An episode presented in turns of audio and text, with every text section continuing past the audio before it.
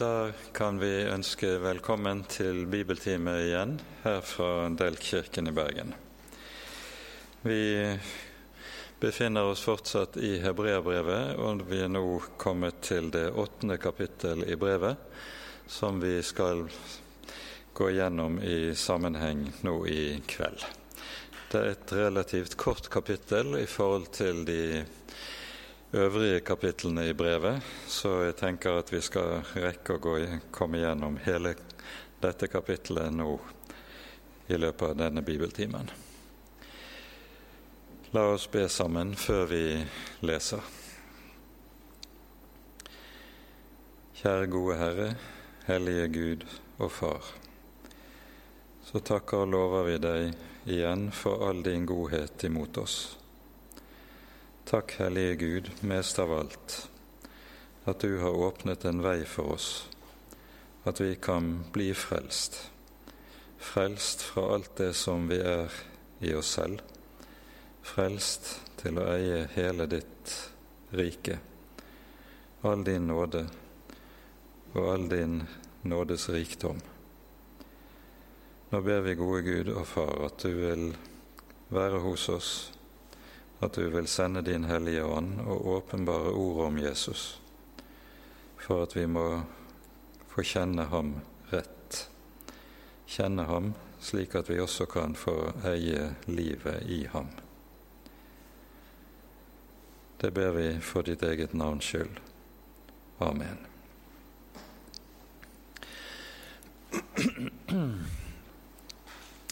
Vi leser da det åttende kapittel i Hebreabrevet i sammenheng nå innledningsvis.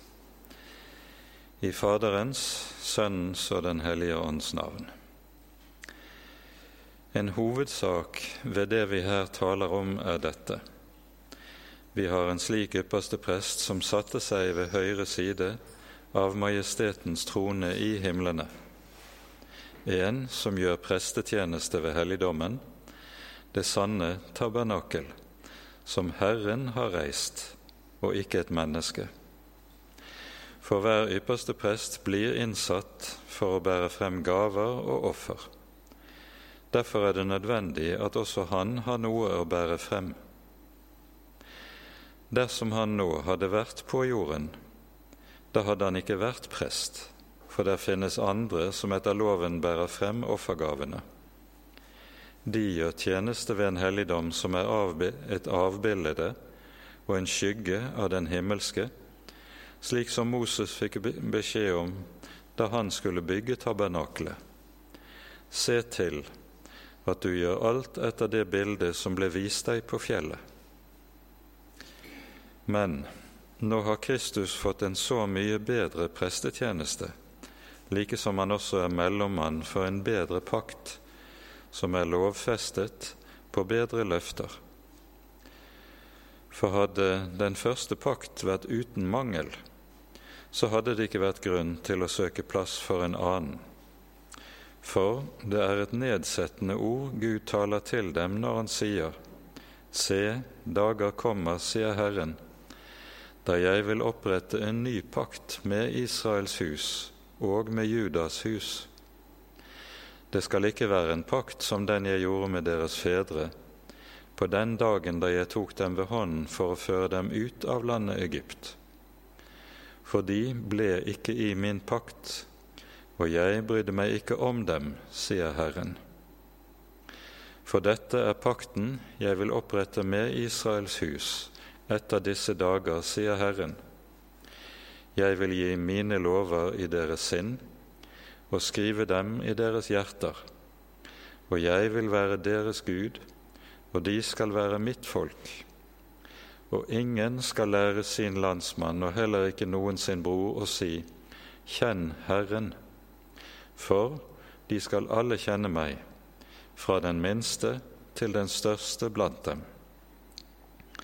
For jeg vil være nådig overfor den urett de har gjort, og ikke lenger minnes deres synder.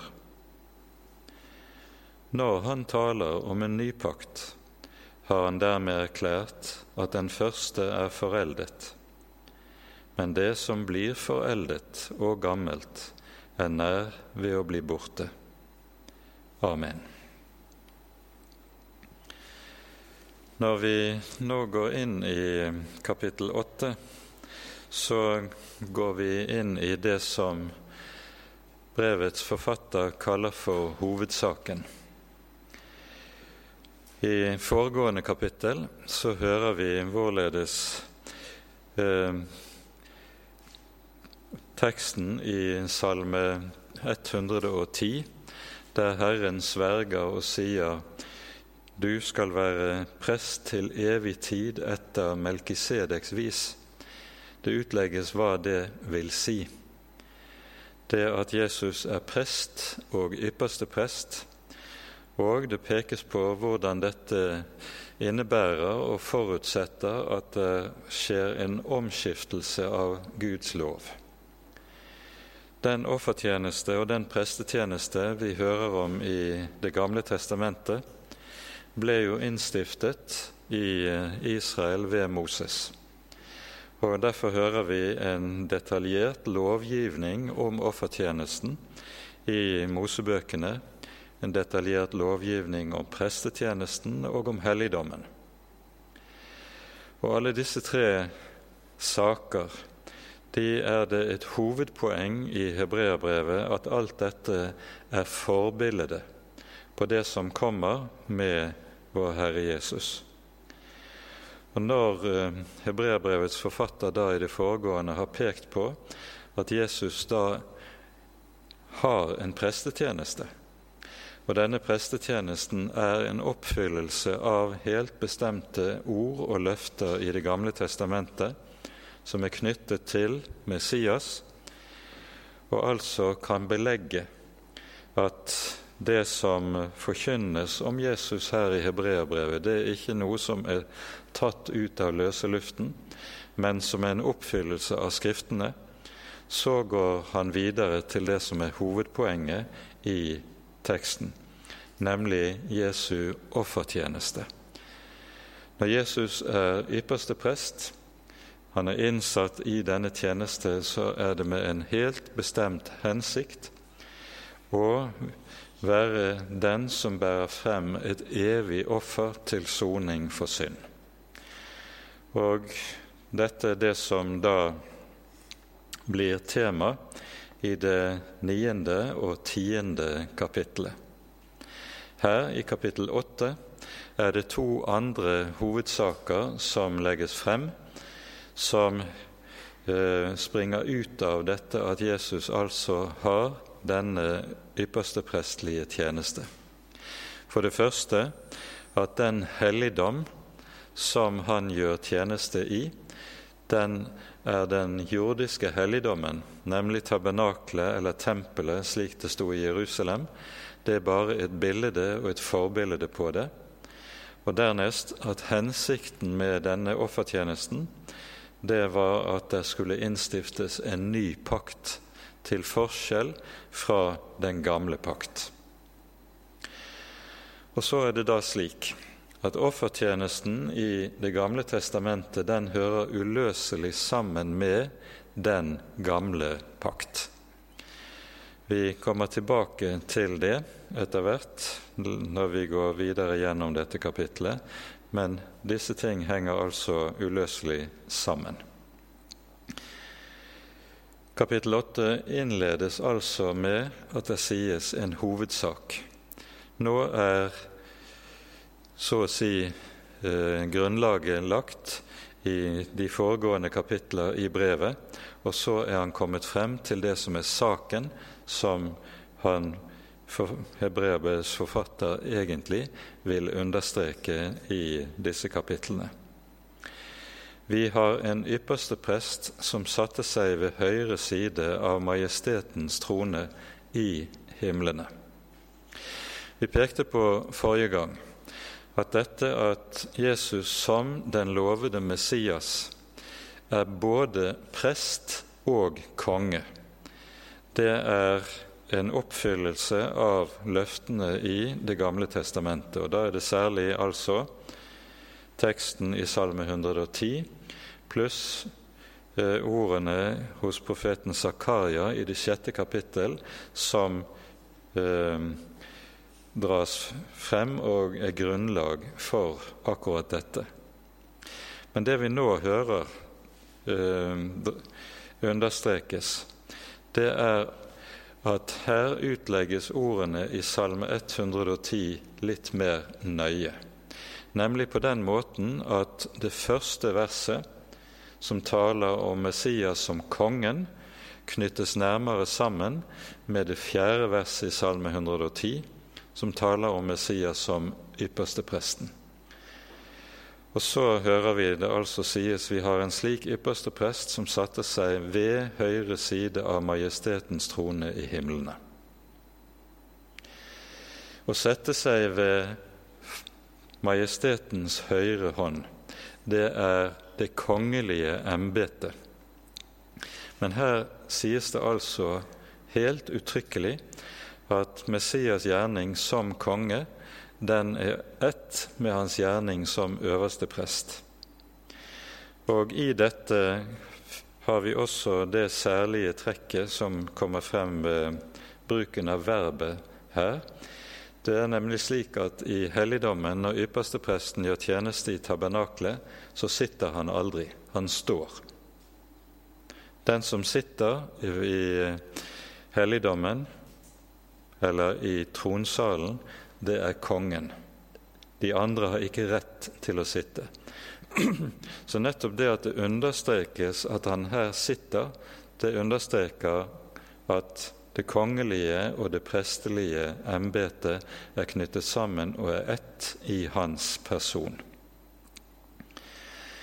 Det uttrykket som her er oversatt med 'majestetens trone i himlene', det er et særegent uttrykk i Skriften som henger sammen med en måte å omtale Gud på innenfor jødedommen. Og Det skulle kanskje helst vært oversatt med noe annerledes, nemlig han satte seg ved storhetens høyre hånd i helligdommen. For slik som Bibelen omtaler Gud, Herren, Israels hellige, så er han alene den som er stor. Når mennesker forsøker å være store, så er det alltid uttrykk for menneskelig hovmod. Og Derfor er storhet noe som alltid er et predikat som hører Gud til og Gud alene, slik Bibelen taler om ham. Dette er også avgjørende å være oppmerksom på, og dette er altså en særlig uttrykksmåte som en finner innenfor hebraisk språk innen jødedommen. Han satte seg altså ved majestetens eller storhetens trone i himlene som en som gjør prestetjeneste i helligdommen. Bokstavelig står det her så utfører en liturgisk tjeneste. Det er det uttrykket som anvendes i grunnteksten.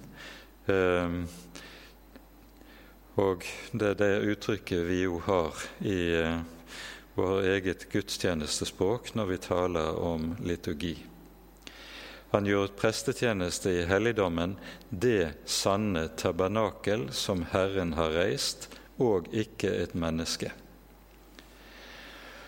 Og Da er poenget i denne sammenhengen at når Gud troner i himlene, så troner han i den syvende himmel. En tenker seg himmelen har syv nivåer, og eh, i det syvende nivået er det Guds trone står. Det er, og dette øverste nivået er det som symboliseres ved det aller helligste i tempelet. Det aller helligste i tempelet er Det var der nådestolen sto, som eh, var reist over paktens ark, og der Herren lover at fra derfra er det han vil tale til Moses. Det er der han også vil bo, midt iblant sitt folk. Poenget er da at himmelen er tegnet som en helligdom i Skriften, og der eh, tabernaklet og tempelet i Jerusalem bare er et avbilde av det som er den egentlige helligdom som troner i himmelen, slik som det sies i det femte verset som vi hører her. Se til, lyder befalingen til Moses to ganger, sies det i kapittel 25 i 2. Mosebok. Se til at du gjør alt etter det bildet som ble vist deg på fjellet. Moses får befaling om å innrette tabernaklet og offertjenesten etter det som er bildet av den himmelske helligdom. Og så får Moses se inn i den offertjeneste som er i den himmelske helligdommen, og som Guds sønn altså skal utføre, og som den jordiske helligdom og offertjenesten i den jordiske helligdom bare blir svake skyggebilder av. Vi skal også merke oss at det sies uttrykkelig, sånn som vi hører det i vers 5. Gud gjentar altså for Moses to ganger Se til at du gjør alt etter det bildet som ble vist deg på fjellet. Det betyr at hver eneste lille detalj som beskrives av tabernaklet og av tabernaklets oppbygging, er uttrykkelig befalt av Gud. Og dersom Israel hadde gitt seg til å endre på dette, så hadde det vært en vanhelligelse av helligdommen.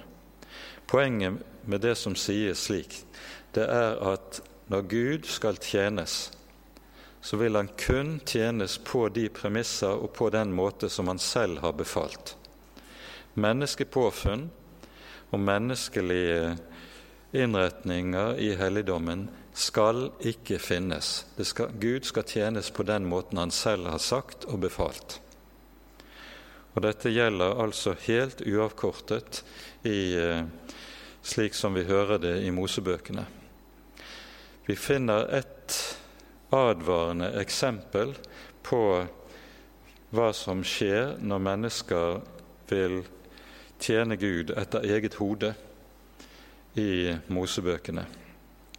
Det står i Tredje Mosebok i det tiende kapittel.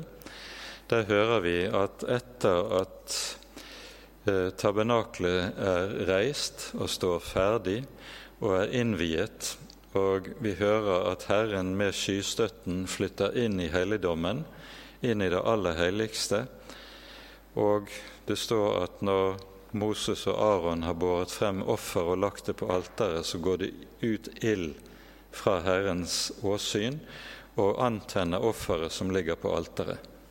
Dette er innvielsen av tabernaklet, og Herren vedkjenner seg det som er gjort. Dette leser vi om i det 40. kapittel i andre Mosebok og 9. kapittel i tredje.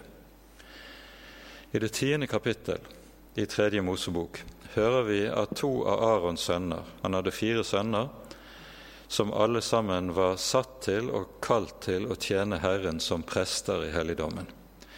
To av Arons sønner, Nadab og Abihu, går etter innvielsen inn i helligdommen, står det, med fremmed ild, som Herren ikke hadde befalt. Det er mulig at de hadde opplevd innvielsen av helligdommen på en sånn måte at dette hadde antent en type entusiasme i hjertene deres som gjorde at de nå ville viste en særlig iver i sin gudstjeneste, og så vil de inn i helligdommen på nytt. Men det sies de bærer inn fremmed ild som Herren ikke hadde befalt. Det er mennesketanker, og de tjener Han med menneskegjerninger så står det da gikk det ild ut fra Herrens åsyn og fortærte Nadab og Abihu der i helligdommen der de sto for Herrens åsyn. Poenget med dette er at Gud godtar ikke tjeneste som er menneskepåfunn i sin helligdom.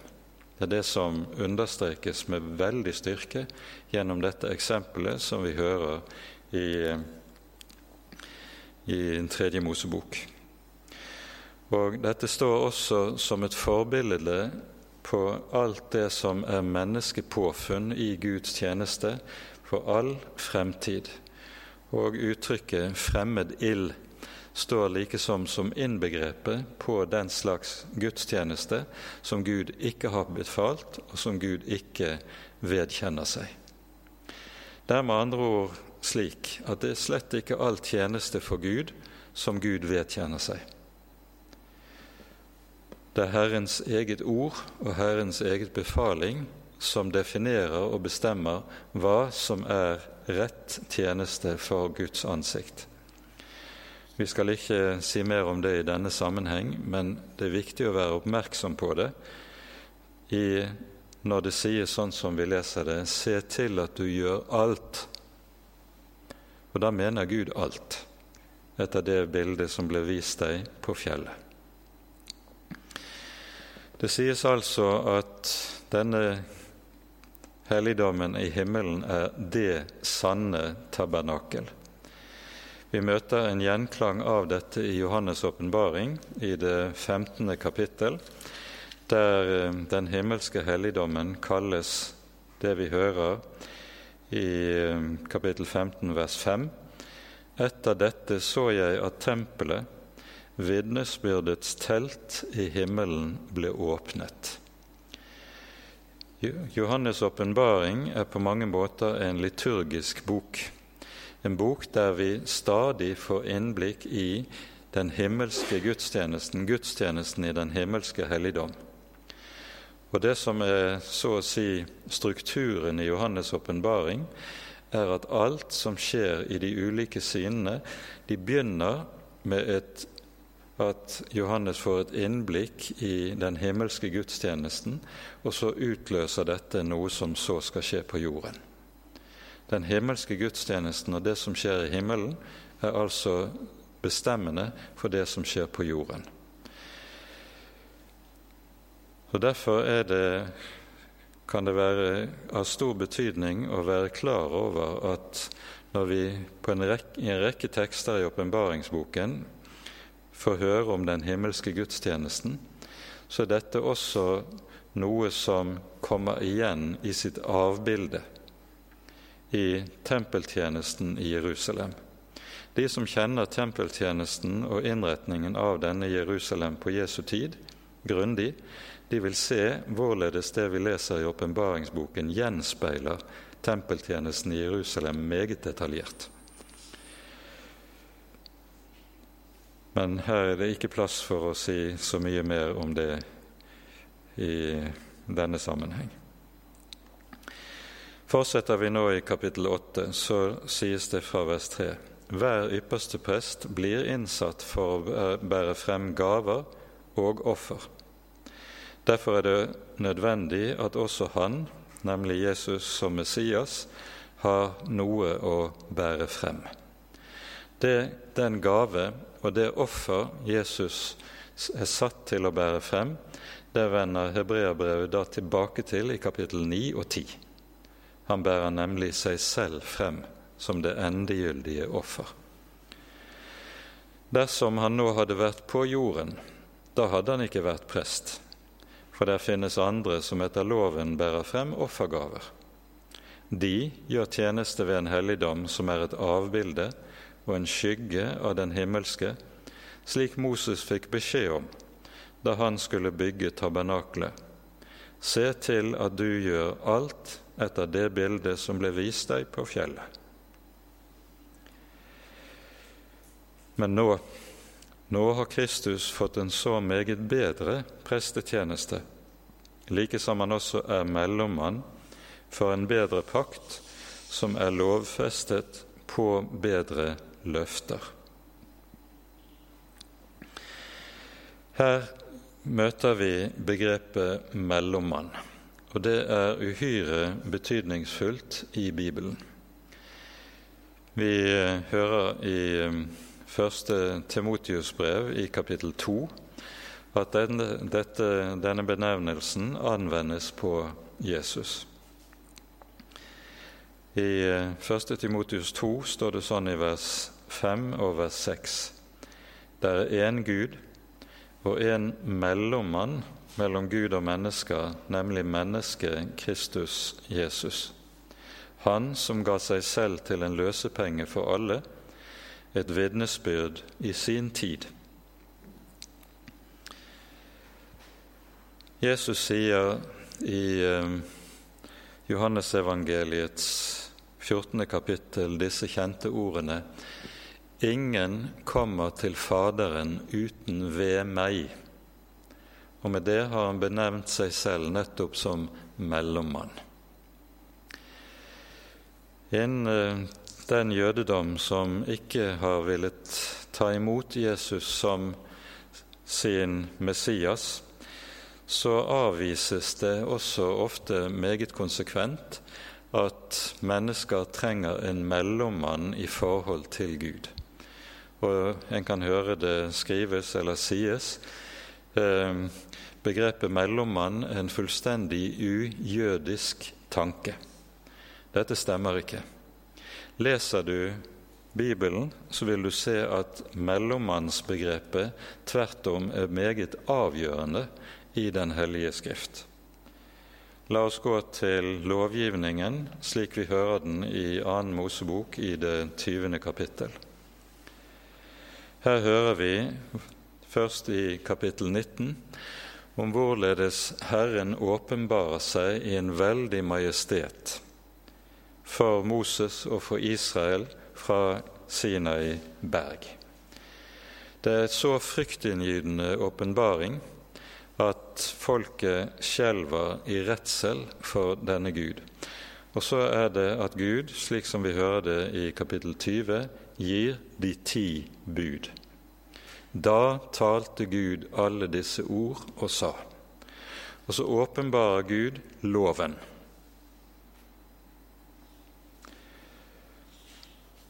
Og så, når lovgivningen er gitt, de ti bud er gitt, så hører vi i vers 18 det står følgende Hele folket så røstene og ildtungene og hørte tonen fra horn i fjellet i røk. Og da folket så og hørte dette, skalv de og holdt seg langt borte. Og de sa til Moses, Tal du til oss, så vil vi høre. Men la ikke Gud tale til oss for at vi ikke skal dø. Hva er dette? Den første frukten av at Gud åpenbarer sin hellige lov, det er at folket skjønner vi trenger en mellommann. De skjønner de kan denne hellige Gud, som åpenbarer seg for dem i loven, den kan de ikke møte direkte, ha med å gjøre direkte. De trenger en mellommann. Og Nettopp det er det Guds hellige lov skal vise og skal åpenbare for menneskene. Loven skal avsløre at ingen av oss kan bli stående for den levende Guds ansikt, så å si alene og i egen person. Vi må ha en mellommann hvis vi skal ha med Den hellige å gjøre. Senere, når i femte Mosebok eh, Moses gjen, eller repeterer det som skjedde ved Sinai, så understreker han vår Gud er en fortærende ild. Han er en nidkjær Gud. Dette sies i 5. Mosebok 4.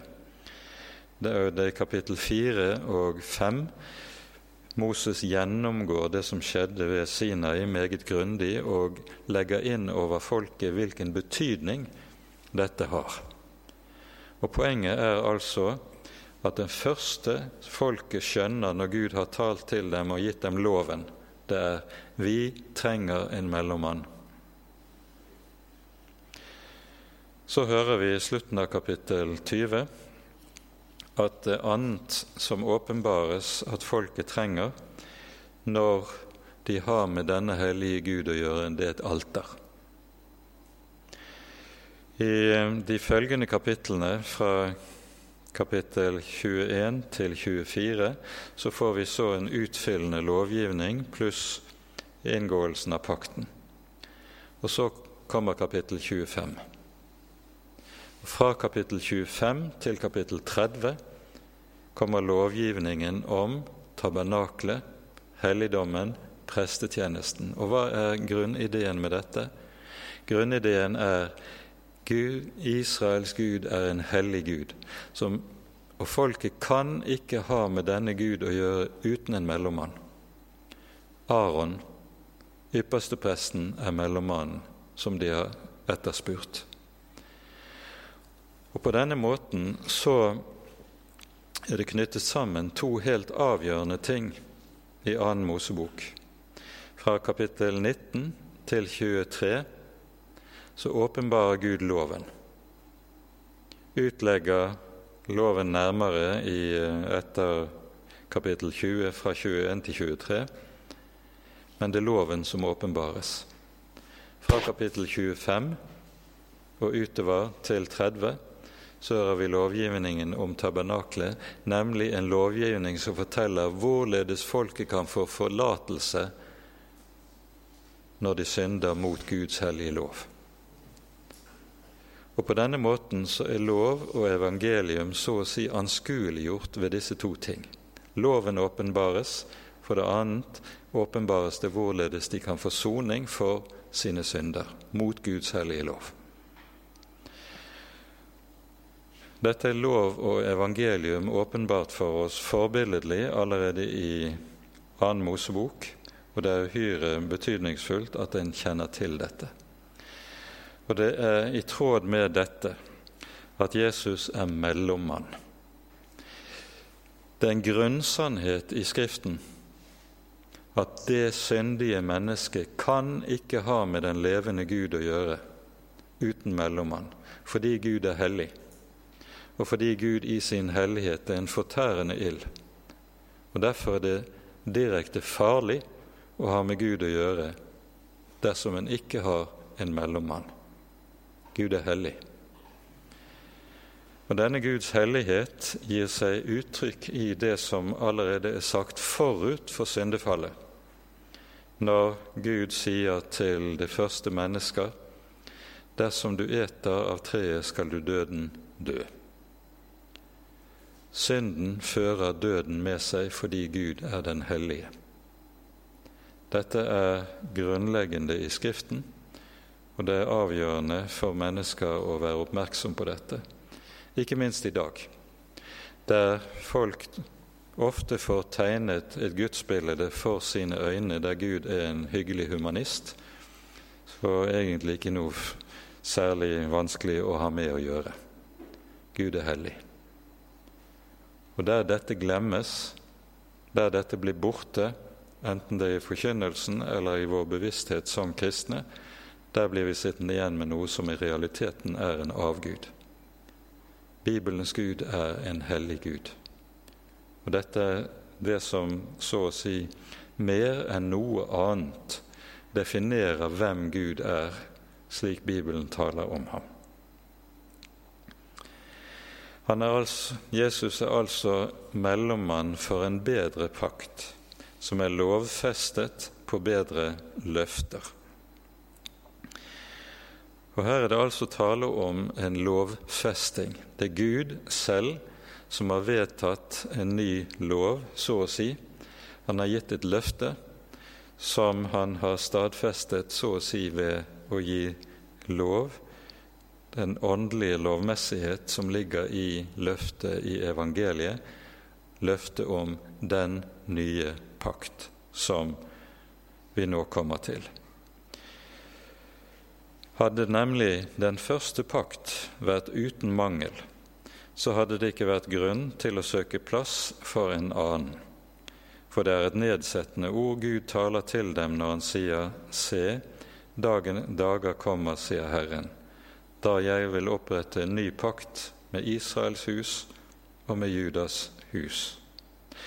Det skal ikke være en pakt som den, den jeg gjorde med deres fedre på den dag da jeg tok dem ved hånden for å føre dem ut av landet Egypt. Og Her er det altså tale om det som kalles for den gamle pakt.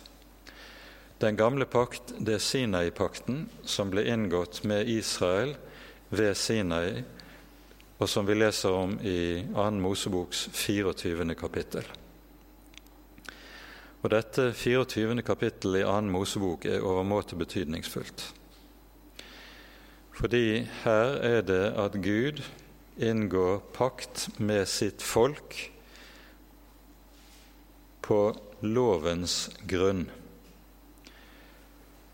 Nå hører vi i de foregående kapitler hvorledes Gud har kunngjort og åpenbart sin hellige lov.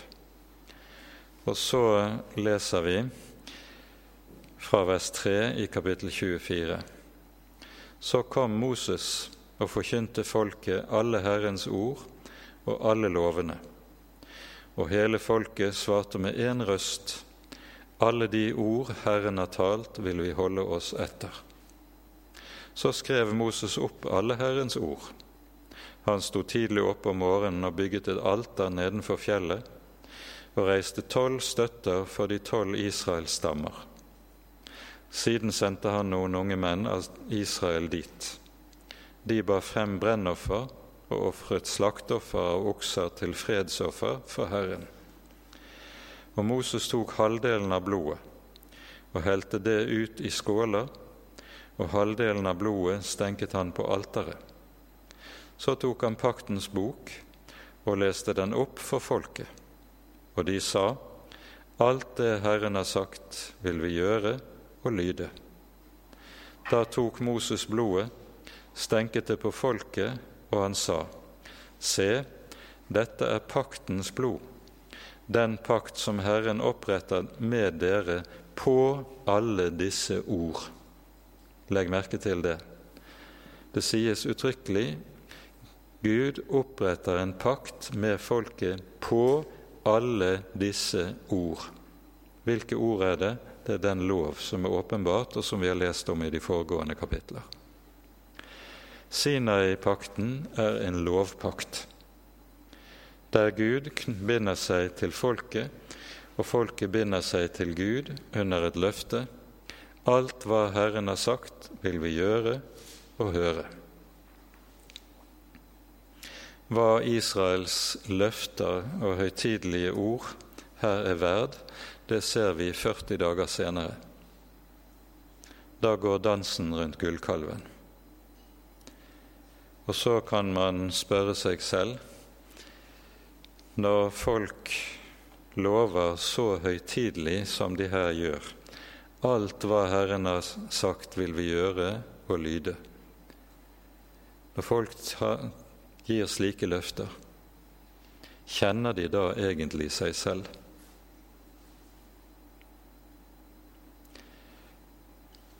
Hva som bor i Israels hjerter, er altså avslørt 40 dager senere med dansen om gullkalven.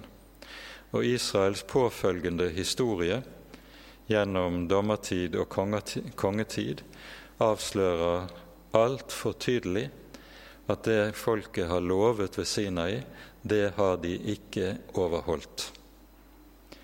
Israels historie er på mange måter, med noen unntak, et eneste sammenhengende beretning om frafall og åndelig forfall.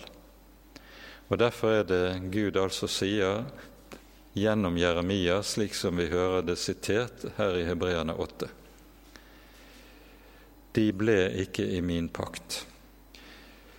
Her er det sånn at når det nå siteres fra profeten Jeremia sin tekst om den nye pakt, så er dette et sitat fra kapittel 31 i Jeremia-boken, og vi kan i parentes legge til at dette er det lengste sammenhengende sitat fra Det gamle testamentet som vi overhodet finner i Det nye testamentet. Men ordlyden i sitatet er noe annerledes enn den vi finner i, eh, hvis du slår opp i Jeremia 31. Og Bakgrunnen for det er at ordlyden eller skriftsitatene fra Det gamle testamentet som vi finner i hebreerbrevet, de er alle sammen hentet fra Septuaginta, den greske oversettelsen av Det gamle testamentet som var i omløp på denne tiden iblant de gresktalende kristne. I Jeremia 31 så står det Disse, dette som er oversatt i slutten av vers 9, står det i stedet i Jeremia 31. Den pakt med meg som de brøt, enda jeg var deres ektemann. Septuaginta-oversettelsen er ganske fri i forhold til eh, den hebraiske teksten, men det er altså det som har skjedd. Israel har brutt pakten. Og så skal vi merke oss et par ting før vi går videre med dette. For det første begrepet pakt. I eh, den gresk som ble talt på nytestamentlig tid, så har du to ulike ord som ble anvendt for pakt. Det ene ordet 'synfeke' det ble anvendt for å betegne en pakt som ble inngått mellom to likestilte parter. En pakt, når den ble inngått, så var den juridisk bindende.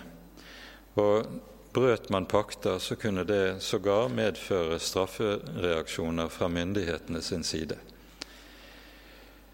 Men dette ordet, som altså brukes for å betegne en pakt mellom to likestilte parter, det anvendes ikke i Det nye testamentet når det taler om pakt. I stedet anvendes det et annet ord, diatheke, som betegner en pakt som innstiftes der det er en, den ene part som så å si definerer paktsvilkårene. Og slik er det med pakten mellom Herren og hans folk. Det er Gud som definerer paktsvilkårene, fordi Gud er Gud, og vi er de vi er, vi er støv. Ved dette, å anvende dette ordet så plasseres så å si vi mennesker på vår rette plass. Vi står ikke som likestilte overfor Gud, vi står som de som er under ham. Han er Gud, og vi er de vi er. Vi er støv. Vi er syndere, og som så å si ikke skal mukke men i stedet være dypt, dypt takknemlige for at denne hellige Gud i det hele tatt vil ha med oss å gjøre.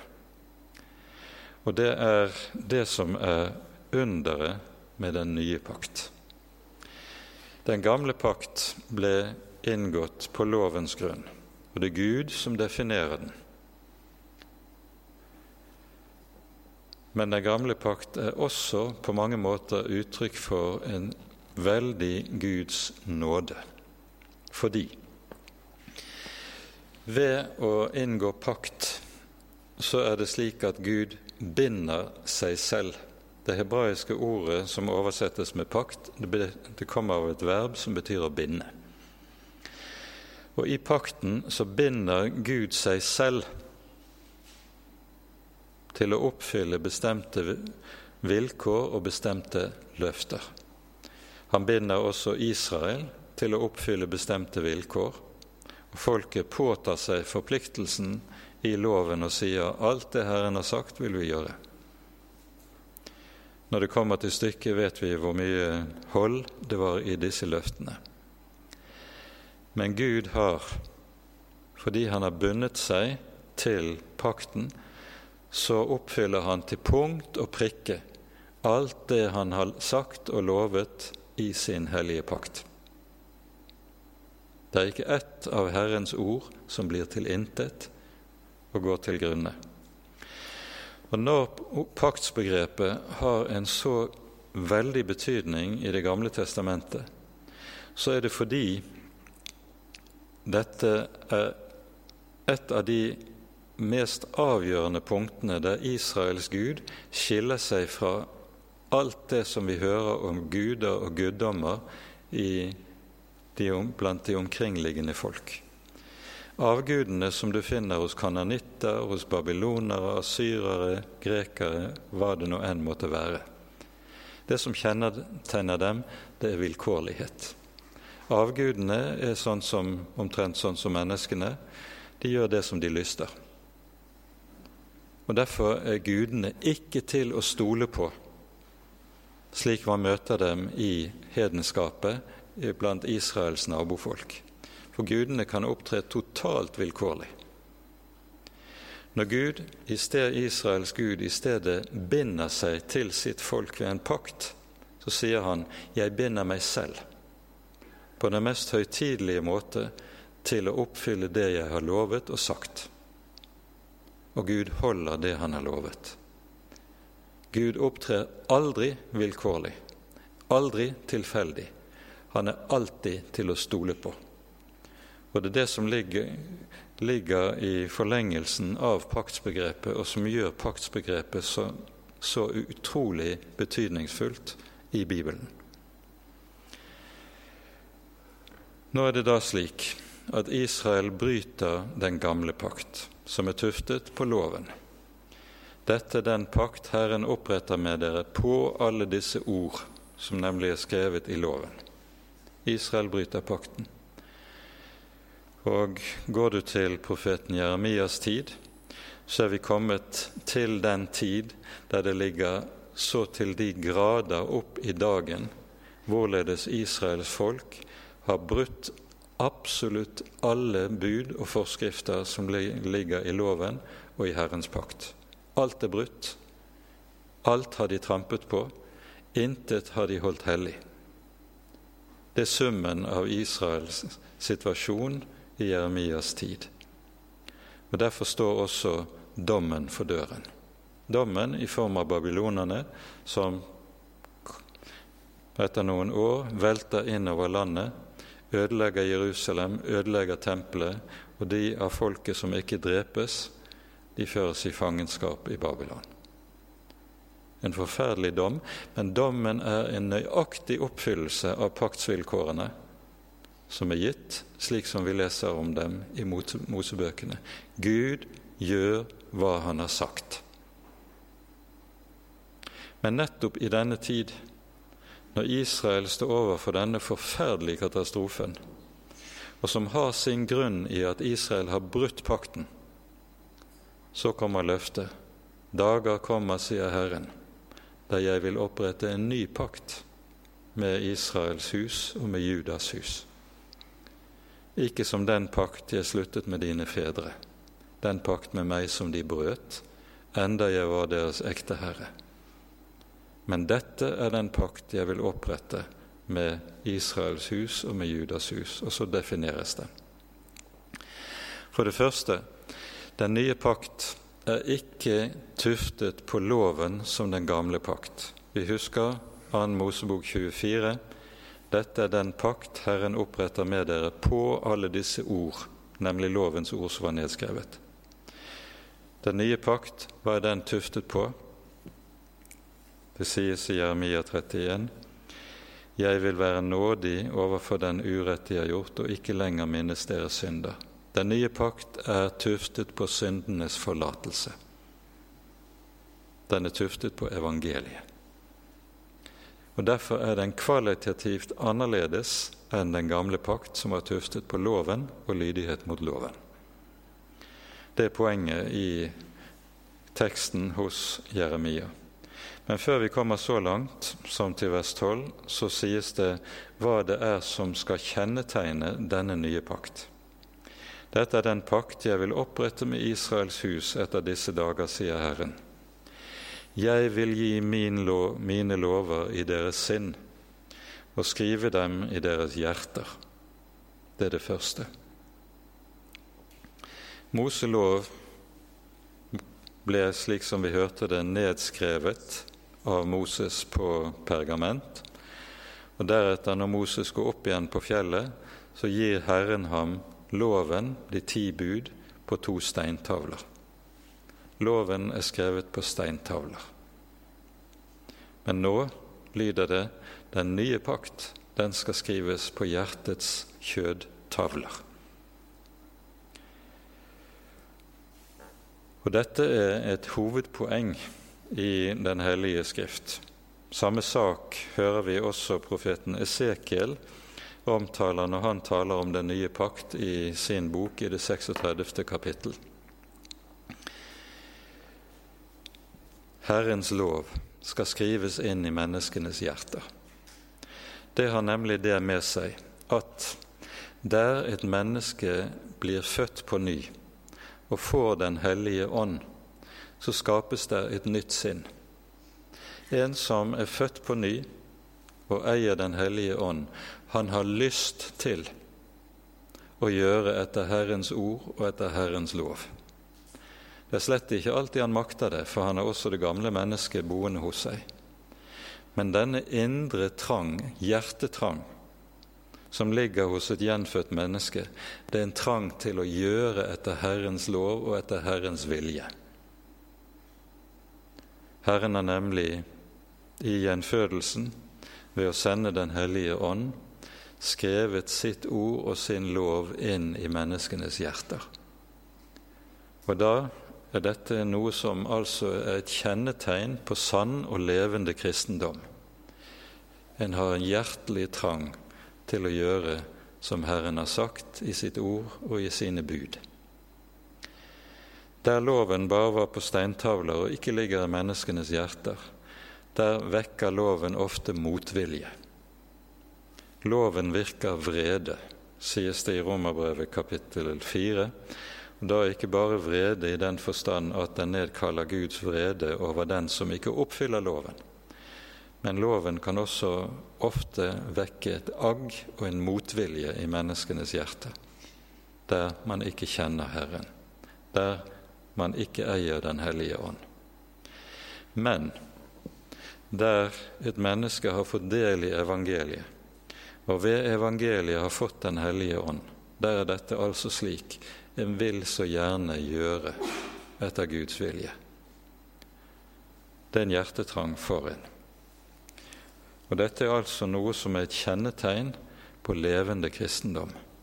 Der du ikke finner dette kjennetegn, der er det grunn til å spørre er det virkelig levende kristendom du har med å gjøre. Jeg vil gi mine lover i deres sinn og skrive dem i deres hjerter, og jeg vil være deres Gud, og de skal være mitt folk. Ingen skal lære sin landsmann og heller ikke sin bror å si 'Kjenn Herren', for de skal alle kjenne meg, fra den minste til den største blant dem. Jesus sier i den ypperste brønnen i Johannes 17 at dette er det evige liv, at de kjenner deg, den eneste sanne Gud, og ham du utsendte, Jesus Kristus. Johannesevangeliet inneholder veldig mye av det man kaller for hebraismer. Den er skrevet på gresk språk, men det er hebraisk tankegang som ligger til grunn. Og Derfor kunne man helst kanskje oversette dette verset noe annerledes. Dette er det evige liv, at de kjenner deg, den eneste sanne Gud, ved ham du utsendte, Jesus Kristus. For det er bare ved å kjenne Jesus at et menneske kjenner Gud. Det er Jesus som er den som åpenbarer hvem Gud er. Dette taler Jesus også om i det tiende kapittelet i Johannesevangeliet, der vi hører Jesus tale om seg selv som den gode hyrde. Og Jesus sier her slik, vi leser fra vers 27. Mine får hører min røst, jeg kjenner dem, og de følger meg. Og jeg gir dem evig liv, de skal aldri i evighet gå fortapt, og ingen skal rive dem ut av min hånd. Jeg kjenner dem, og de følger meg. Dette kjennskap som det her er tale om, er uhyre betydningsfullt. Ordet 'kjenne' der i Bibelen uttrykk for det aller dypeste personlige fellesskap. Det kan brukes om det som er fellesskapet mellom mann og hustru i ekteskapet, og det kan brukes altså om den nære, personlige fellesskap som er mellom et troende menneske og Herren. Dette lukker Jesus, evangeliet om Jesus, et menneske inn i, slik at ved ham ved evangeliet om ham lærer vi Gud å kjenne. Og så sier Herren, Jeg vil være deres Gud, og de skal være mitt folk. Det er disse ordene som vi hører tale om her, den nye pakt. Det er de som Jesus henviser til når han innvier nadværen. Slik som vi leser om det den siste kvelden Jesus er sammen med disiplene forut for sin lidelse. Han løfter begeret under påskemåltidet, det tredje begeret, og sier, 'Dette er den nye pakt i mitt blod' som utøses for dere til syndenes forlatelse. Den nye pakt er grunnlagt på syndenes forlatelse, som vi hørte det. Og like som den gamle pakt ble innviet med blod. Vi hørte Moses stenket offerets blod på boken og på folket. Og ved blodet så er pakten trådt i kraft. Og slik er det at ved Jesu blod så er den nye pakt også trådt i kraft. Og nattværen er så å si Jesu blodsbestenkelse av oss, som understreker dette at når vi samles ved Herrens bord, eter Hans legeme og drikker Hans blod, så får vi del på ny, og fornyes vi stadig i denne pakt som Herren har inngått med syndere til frelse.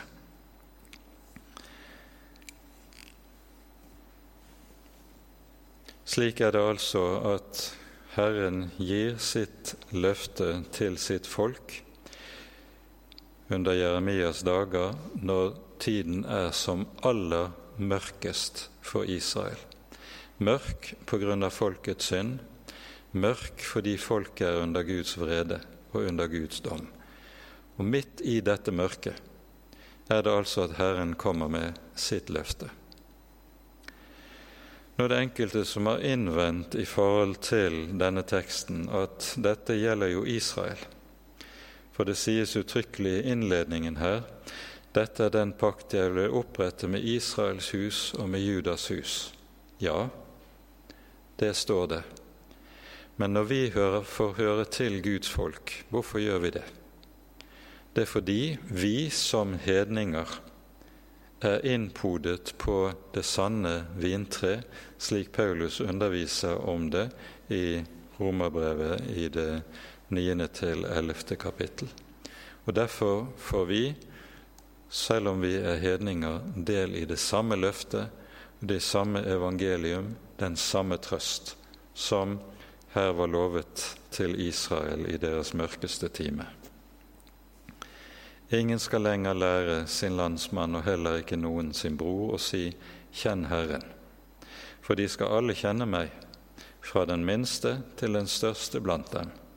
For jeg vil være nådig overfor den urett de har gjort, og ikke lenger minnes deres synder.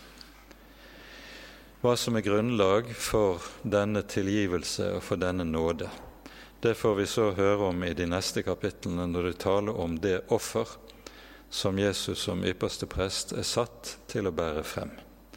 Det skal vi tale om senere hen i vår, når vi kommer så langt i hebreerbrevet. Når han taler om en ny pakt, så det da til slutt i kapittel 8, har han dermed erklært at den første er foreldet. Men det som blir foreldret, er gammelt og er nær ved å bli borte. Vi har en annen tekst i Det nye testamentet som taler om forskjellen på den gamle og den nye pakt. Og Det er 2. Korinterbrev kapittel 3. Vi har ikke tid til å gå inn på det i, denne, i kveld og i denne sammenheng, men det kan være viktig at dere kan ta dere tid til å sette dere inn også i det som apostelen Paulus skriver der. Denne teksten innledes med ordene i vers 6 i 2. Korinterbrevs tredje kapittel. Bokstaven slår i hjel, men Ånden gjør levende. Dette er kanskje et av de aller mest misbrukte ordene i vår bibel. For det anvendes på en sånn måte av en del, særlig innenfor liberal teologi, at du skal jo ikke lese Bibelen bokstavelig. Det er ikke det det betyr. Bokstaven som omtales her, det er Guds hellige lov, som ble skrevet med bokstaver med Guds finger på steintavler. Det ser du tydelig i sammenhengen i kapittelet. Bokstaven som slår i hjel, det er Guds lov. Mens Ånden som gjør levende, det er det som er evangeliet. For når evangeliet kommer til oss, så kommer det med Guds hellige ånd. Og der evangeliet lyder sant og rett, der er Guds hellige ånd virksomt til stede. Og Derfor er det pekt på hvorledes disse to ord i Skriften, loven og evangeliet, har to ulike gjerninger som det utfører på oss og med oss. Loven slår i hjel, den døder, sånn som det står i 2. Korinterbrev 3, mens evangeliet ved Ånden gjør levende det som er dødt. Vi har ikke tid til å si mer om dette i kveld, men så det får bli slik at vi med dette setter punktum for dagens gjennomgang. Ære være Faderen og Sønnen og Den hellige ånd, som var, er og være skal, en sann Gud, høylovet i evighet. Amen.